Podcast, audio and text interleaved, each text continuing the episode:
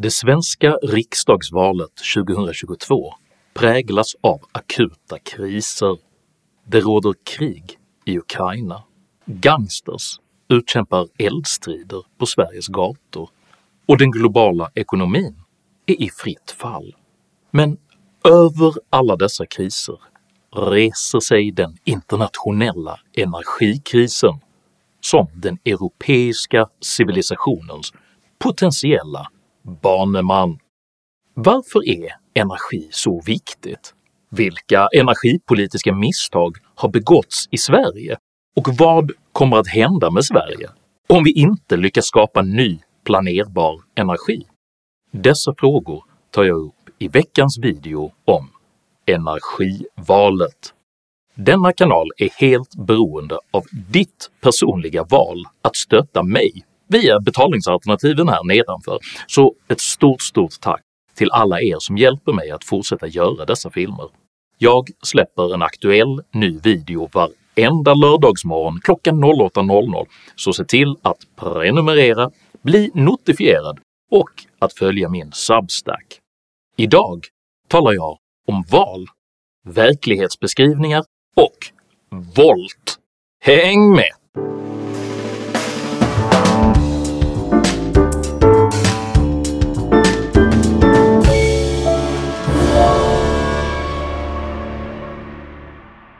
Allt är energi, och energin är oförstörbar.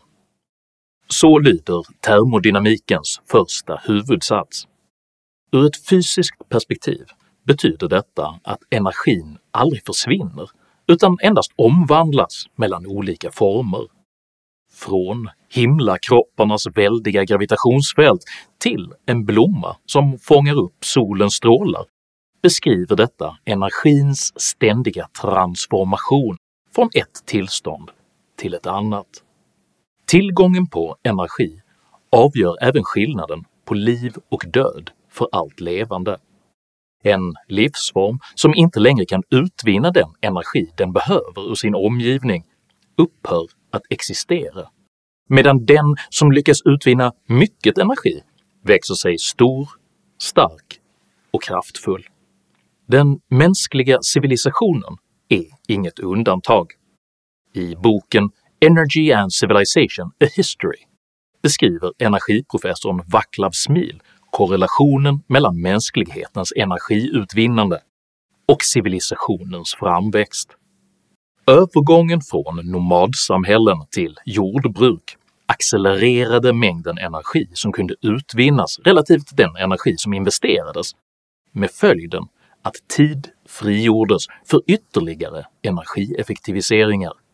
I takt med att energiutdelningen blev större ökade befolkningen och allt mer specialiserade samhällen utvecklades. Enligt Smil är vår moderna civilisation ett direkt resultat av en ständigt ökande energitillgång där muskelkraft gradvis har ersatts med maskiner och där accelererande utbyte av idéer ständigt driver fram ytterligare förbättringar och effektiviseringar av det mänskliga samhället. Allt fler inser att Europa och Sverige just nu står inför en akut energibrist, men färre inser att denna situation inte bara är en energikris utan beskriver en direkt existentiell kris för hela den moderna civilisationen. Imorgon går Sverige till val. Det är ett krisval, ett krigsval och ett existentiellt val. Jag kallar det energivalet.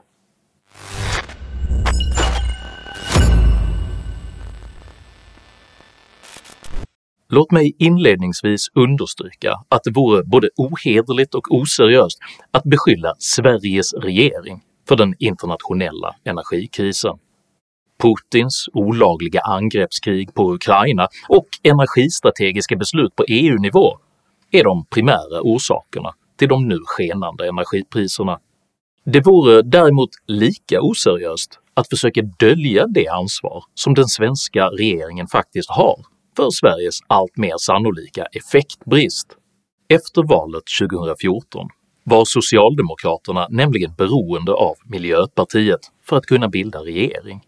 I utbyte mot att ge socialdemokraterna regeringsmakten krävde miljöpartiet att den nya regeringen skulle ersätta kärnkraften med sol, vind och annan förnybar energi. Man ville även stoppa Vattenfalls planer på att bygga två nya reaktorer i Ringhals. En månad efter att den nya regeringen tillträtt stoppades Vattenfalls planer på att bygga nya reaktorer i Ringhals. Dåvarande klimatminister Åsa Romson kommunicerade även att man ämnade genomdriva nedstängningar av kärnkraft utan att aktivt stänga några kärnkraftsreaktorer, men högre avgifter och ökade säkerhetskrav kommer att leda till att kärnkraftverk stängs ändå. Beslutet kritiserades hårt av Vattenfalls dåvarande VD Magnus Hall som varnade för att detta beslut tvingar fram en snabb avveckling av flera reaktorer. Miljöpartiet svarade med vändande post. “Byt uppfattning eller avgå.” Efterföljande år genomdrev regeringen en kraftig höjning av effektskatten riktad specifikt mot kärnkraften, vilket omedelbart resulterade i nedstängningsbeslut för Oskarshamn reaktor 1 och 2 samt Ringhals reaktor 1 och 2. Hall kommenterade dessa beslut genom att konstatera att utan den särskilda skatt som drabbar kärnkraft, effektskatten, så hade det affärsmässiga beslutet blivit ett annat. 2015 stängdes Oskarshamn reaktor 2. 2017 stängdes Oskarshamn reaktor 1. 2019 stängdes Ringhals reaktor 2 och 2020 stängdes Ringhals reaktor 1. Dessa fyra reaktorer är nu permanent avställda, vilket innebär att de enligt lag aldrig får tas i drift igen. Den miljöpartistiske riksdagsmannen Lorentz Tovatt ironiserade omedelbart efter nedläggningarna. “Vad hemskt det blev när Ringhals stängde Chockhöjt elpris, elbrist, lamporna slocknade, industrin stängde ner, systemkollaps, kris, panik, skräck. Samma år konstaterar Svenska kraftnäts kraftbalansrapport “Kärnkraftsreaktorernas framtid har stor påverkan på Sveriges effektbalans under topplasttimmen. Stängningen medför en tydligt försämrad effektbalans för Sverige.” Bara ett par månader senare börjar de svenska elpriserna plötsligt att stiga, först sakta men snart allt snabbare. Under de kalla vintermånaderna i början av 2021 slår elpriset löpande nya prisrekord och Sveriges Television uppmanar befolkningen att sluta dammsuga. Det är ett år innan Ukraina-kriget och Sverige har, helt självförvållat, drabbats av effektbrist.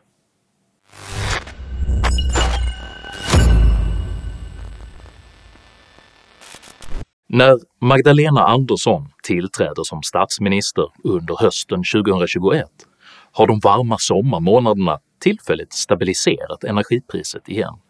I sitt linjetal förkunnar den nytillsatta statsministern stolt att hon ämnar leda världen in i den gröna omställningen med elektrifierad fordonsflotta, koldioxidfri industri och förnyelsebar energiproduktion. Och det vi ser nu, det är ju upptakten på en grön industriell revolution i Sverige. Det är koldioxid, koldioxidfri stålproduktion, batterifabriker, eldrivna tunga lastbilar. Exakt hur oplanerbar och förnyelsebar energi egentligen ska kunna leverera det fördubblade elbehov som denna omställning kräver har de flesta ännu lyckligt dimmiga föreställningar om, och den hopplöst dyra och omoderna kärnkraften avfärdas av statsministern som ett skämt. Och självklart ska vi snabba på elektrifieringen. Men inte med ny kärnkraft. Den är för dyr. Någon som är sugen på högre elpriser? Under de kommande vintermånaderna blåser det dock dåligt och energipriset skjuter än en gång iväg. Läget beskrivs som extremt, trots att både isläggning, kyla och stiltje är helt normala vinterförutsättningar i norra Europa. Har du rörligt prisavtal och någon form av eluppvärmning, ja då kan det ju vara ett antal tusenlappar upp. Eh, där har vi... Bara i december? Ja, absolut. Dels har vi haft eh, väldigt kallt väder som vi vet om, vilket ökar efterfrågan på el, och, och eh, vilket, ja, så att elen blir dyrare av den anledningen. Sen har det blåst mindre än normalt. Sen har vi under en längre tid haft ganska höga, eller väldigt höga priser på eh, kol, gas, olja och utsläppsrätter för koldioxid i Europa. Under januari slås nya prisrekord för elen flera gånger varje vecka och Sveriges Televisions nyheter döper de nya höga elräkningarna till “elsmockan”. Eftersom det är valår börjar regeringen nu att reagera och i januari 2022 aviserar man ett hastigt ihoptråcklat elbidrag för att hjälpa hushållen kunna klara de skenande energipriserna.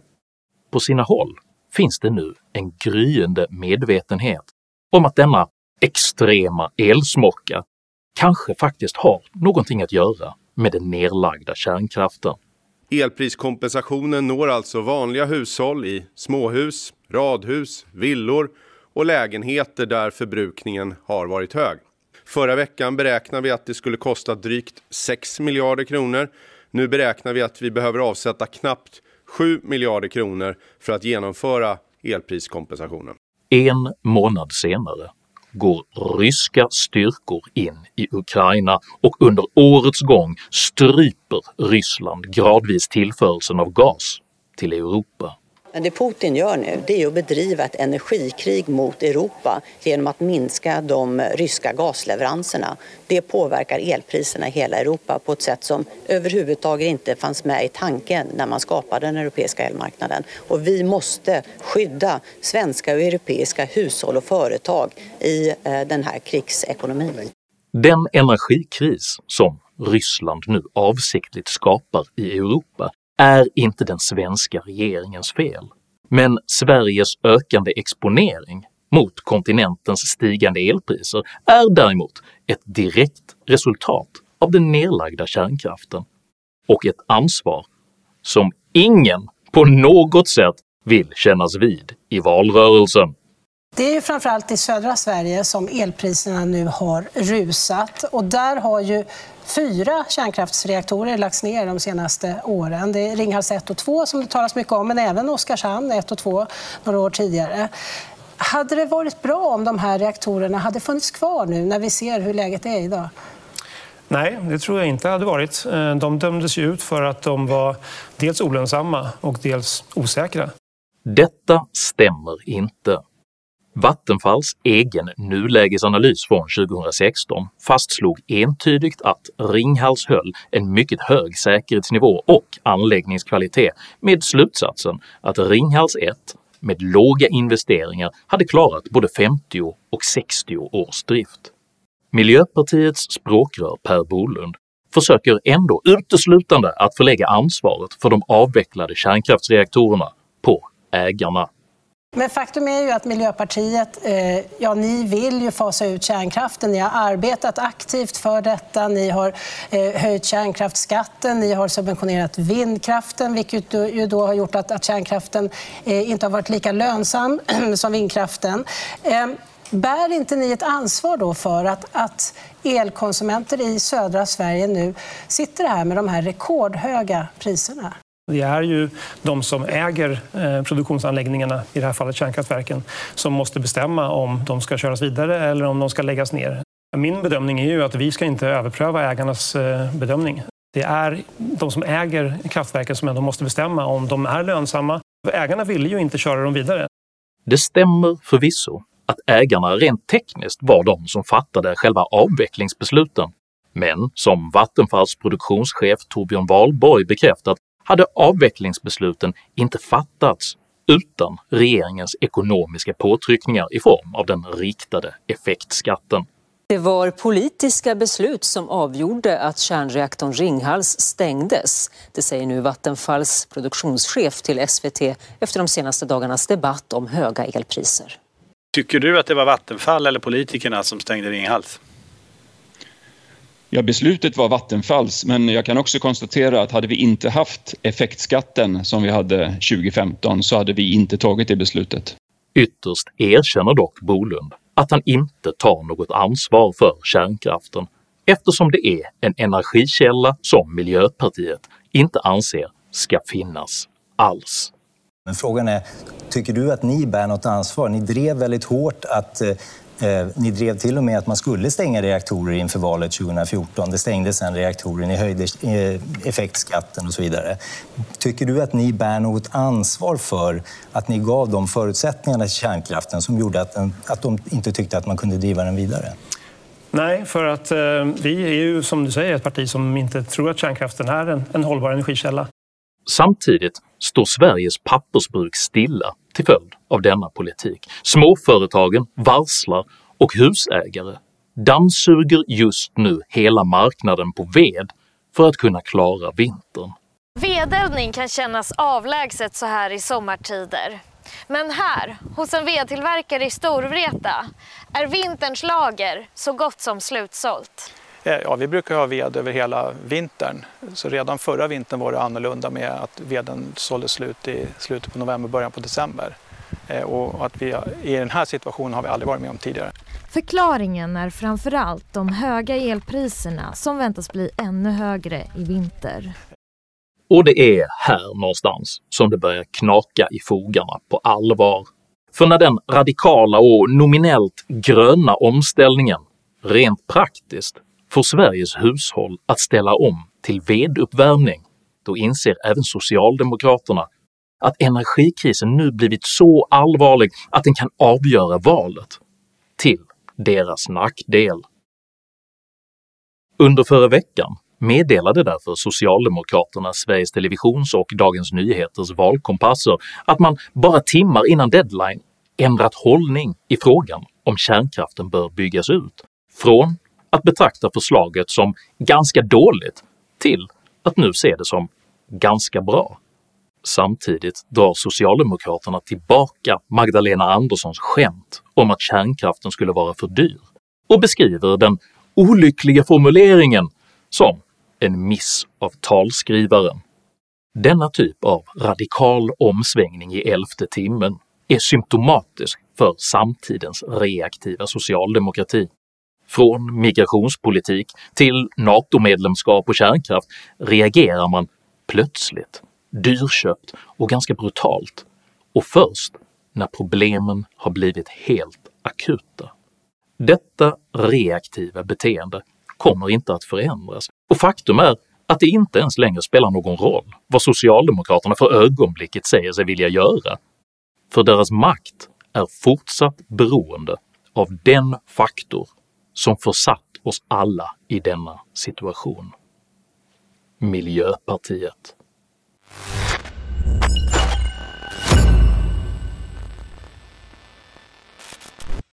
Det blir inte lätt för regeringen att fortsätta säga att man inte har något som helst ansvar för Sveriges energibrist, och det blir ändå svårare att förorda utbyggd kärnkraft efter att Per Bolund i veckan uttryckte ambitionen att bli miljöminister i en ny vänsterregering. Vilken ministerpost vill du helst ha? Jag har ju varit eh, miljöminister eh, och eh, det tycker jag är det finaste jobbet man kan ha. Det är ju att faktiskt ta både Sverige och världen in i en hållbar framtid. Så att det skulle jag gärna få igen. Bolund som miljöminister kommer att försöka hindra alla försök att stabilisera Sveriges energibrist med planerbar el eftersom Miljöpartiets målsättning är att minska energikonsumtionen i högre grad än att öka energiproduktionen. Men just det här med energieffektivisering, det är ert eh, huvudförslag här för att klara, eh, klara detta. Men samtidigt kan man undra, kommer det ge effekt nu i vinter? Man kan också tilläggsisolera. Eh, det går också väldigt snabbt. Det första jag gjorde när jag flyttade till mitt hus var att eh, åka ut och köpa några rullar isolering och rulla ut på vinden. Det är inte något fel i sig att uppmuntra till god isolering, men föreställningen att några rullar isolering är ett rimligt svar på civilisationens största energikris i modern tid understryker Miljöpartiets reduktionistiska politik. Det ska inte bli bättre igen. Det är det svenska folket som ska lära sig att leva i enlighet med Miljöpartiets syn på hållbarhet. Ni vill ersätta all farlig och smutsig kärnkraft och fossil energi med 100% förnybar energi nu, står det. När ska de resterande reaktorerna läggas ner? Vi ska ha 100 eh, förnybar el till 2040. Föreställningen att Sverige ska överleva som ekonomi med en energistrategi helt utan ny planerbarhet om 18 år vilar till lika delar på det ekonomiska ointresse de redan genomförda kärnkraftsnedstängningarna vittnar om och till lika del på rent önsketänkande. Men just kärnkraften då säger man ju är planerbar eh, kraft medan vindkraften då är beroende av vädret och eh, hur mycket det blåser. Och eh, vi ska då kanske fördubbla eh, elanvändningen i Sverige framöver. Eh, Svenska kraftnäts utvecklingsplan där pekar de på att de tio kommande åren så kommer man behöva eh, planerbar ny kraft för att eh, eh, lyckas med det här. Vad, vad är det då som ska ersätta kärnkraften menar du? Där är det ju viktigt att komma ihåg att det är ju hela energisystemet som måste vara planerbart. Sen kommer det ju till eh, ny eh, också lagringskapacitet. Vad, då? Vad, vad, vad, är det som kan vara planerbart som kan ersätta kärnkraften? Då, då? Ja, nu får vi ut eh, stora mängder batterier i de elbilar som nu, där Sverige är ju längst fram i EU med att få fram nya elbilar på marknaden som kör ut på våra gator. Men vi har ju också en teknikutveckling där batterier i elsystemen kan klara av de här effekttopparna och göra så att vi får el varje, varje minut, varje sekund. Så vi behöver ingen ny kraftkälla som kan vara planerbar då? Alltså? Nej, då kan man ju använda den förnybara energin och lagra den. Även industrin investerar ju nu stort i vätgas eh, för att göra industriprocesser som inte går på kol utan på vätgas. Men vätgas är också ett bra lagringsmedium där man kan använda den för att sedan producera el när den behövs.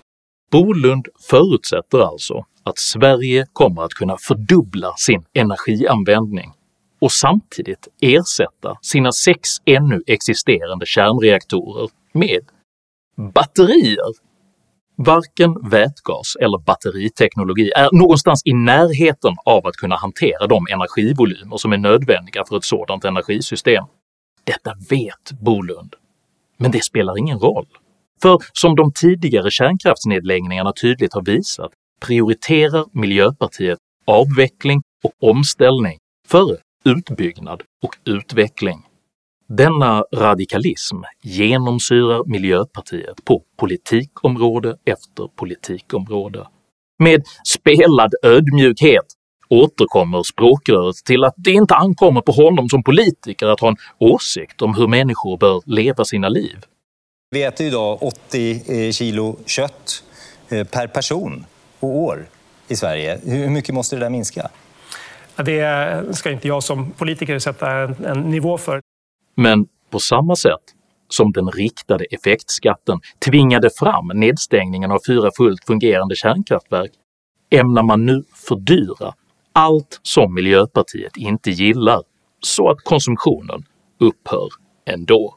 Till exempel går ju vi till val på en, en, antibiotikaskatt på det kött som är industriellt producerat som har eh, dels väldigt höga utsläpp och hög klimatpåverkan det kommer ju nu eh, många produkter som är vegetariska och som gör det väldigt lätt att eh, äta mindre kött. Det har jag och min familj gjort till exempel och eh, det mår vi väldigt bra av och det är verkligen ingen uppoffring. På exakt samma sätt säger man sig inte ha några åsikter om människors resande, bara att man ämnar introducera punktskatter på de transportsätt man finner olämpliga. Ska det bli dyrare att flyga till beachen? Vill ni höja flygskatten? Där vill ju vi också jobba för det vi kallar en rättvis eh, omställning. Det vill säga att eh, vi ska inte eh, ta ut samma kostnader eller lägga på samma skatter på alla. Utan där tror vi till exempel att en skattehöjning för business class och för privatjet tycker vi är verkligen relevant. Idag så kostar bensinen eh, knappt 19 kronor och dieseln knappt, eller drygt 24 kronor. Eh, hur mycket dyrare ska den bli? Bränslet ska bli mer och mer hållbart och att vi kan producera mer och mer av det i Sverige med svenska råvaror i svenska fabriker och som också ger svenska jobb. Ni vill blanda in biodrivmedel helt enkelt? Ja, i kombination med att vi också vill ge som möjlighet för fler att... Som också fördyrar ju bränslena. Nej, vi vill också ge möjlighet för fler att åka med el. I en tid när både ekonomi, säkerhetsläge och infrastruktur kräver akut och vuxen handpåläggning är det sista en svensk regering behöver. Kulturradikala miljöpartister.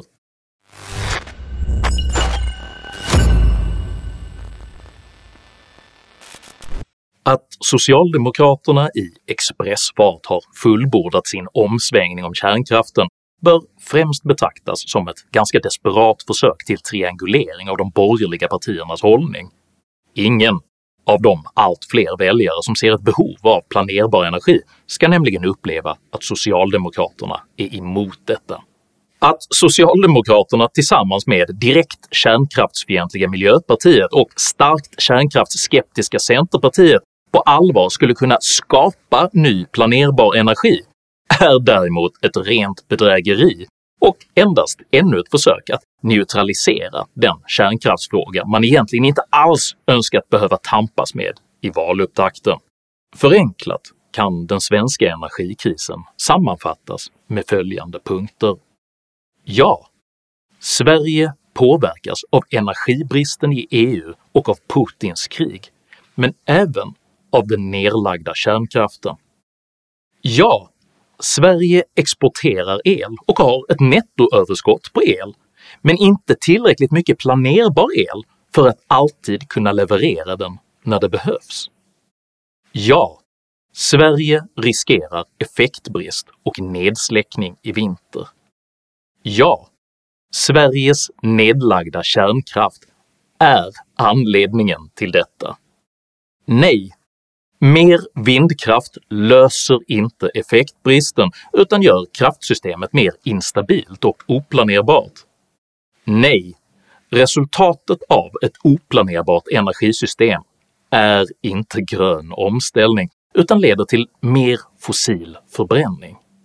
Nej, Marknaden är inte ansvarig för energikrisen utan de politiker som reglerat elmarknaden, planerat elsystemet och skapat ett säkerhetspolitiskt uselt beroende av rysk gas. Och nej, samma vänsterpartier som la ner kärnkraften kan inte reparera Sveriges energisystem med hjälp av propellrar och batterier. För hur man än pysslar och pusslar så kan inte socialdemokraterna bilda regering utan Miljöpartiet.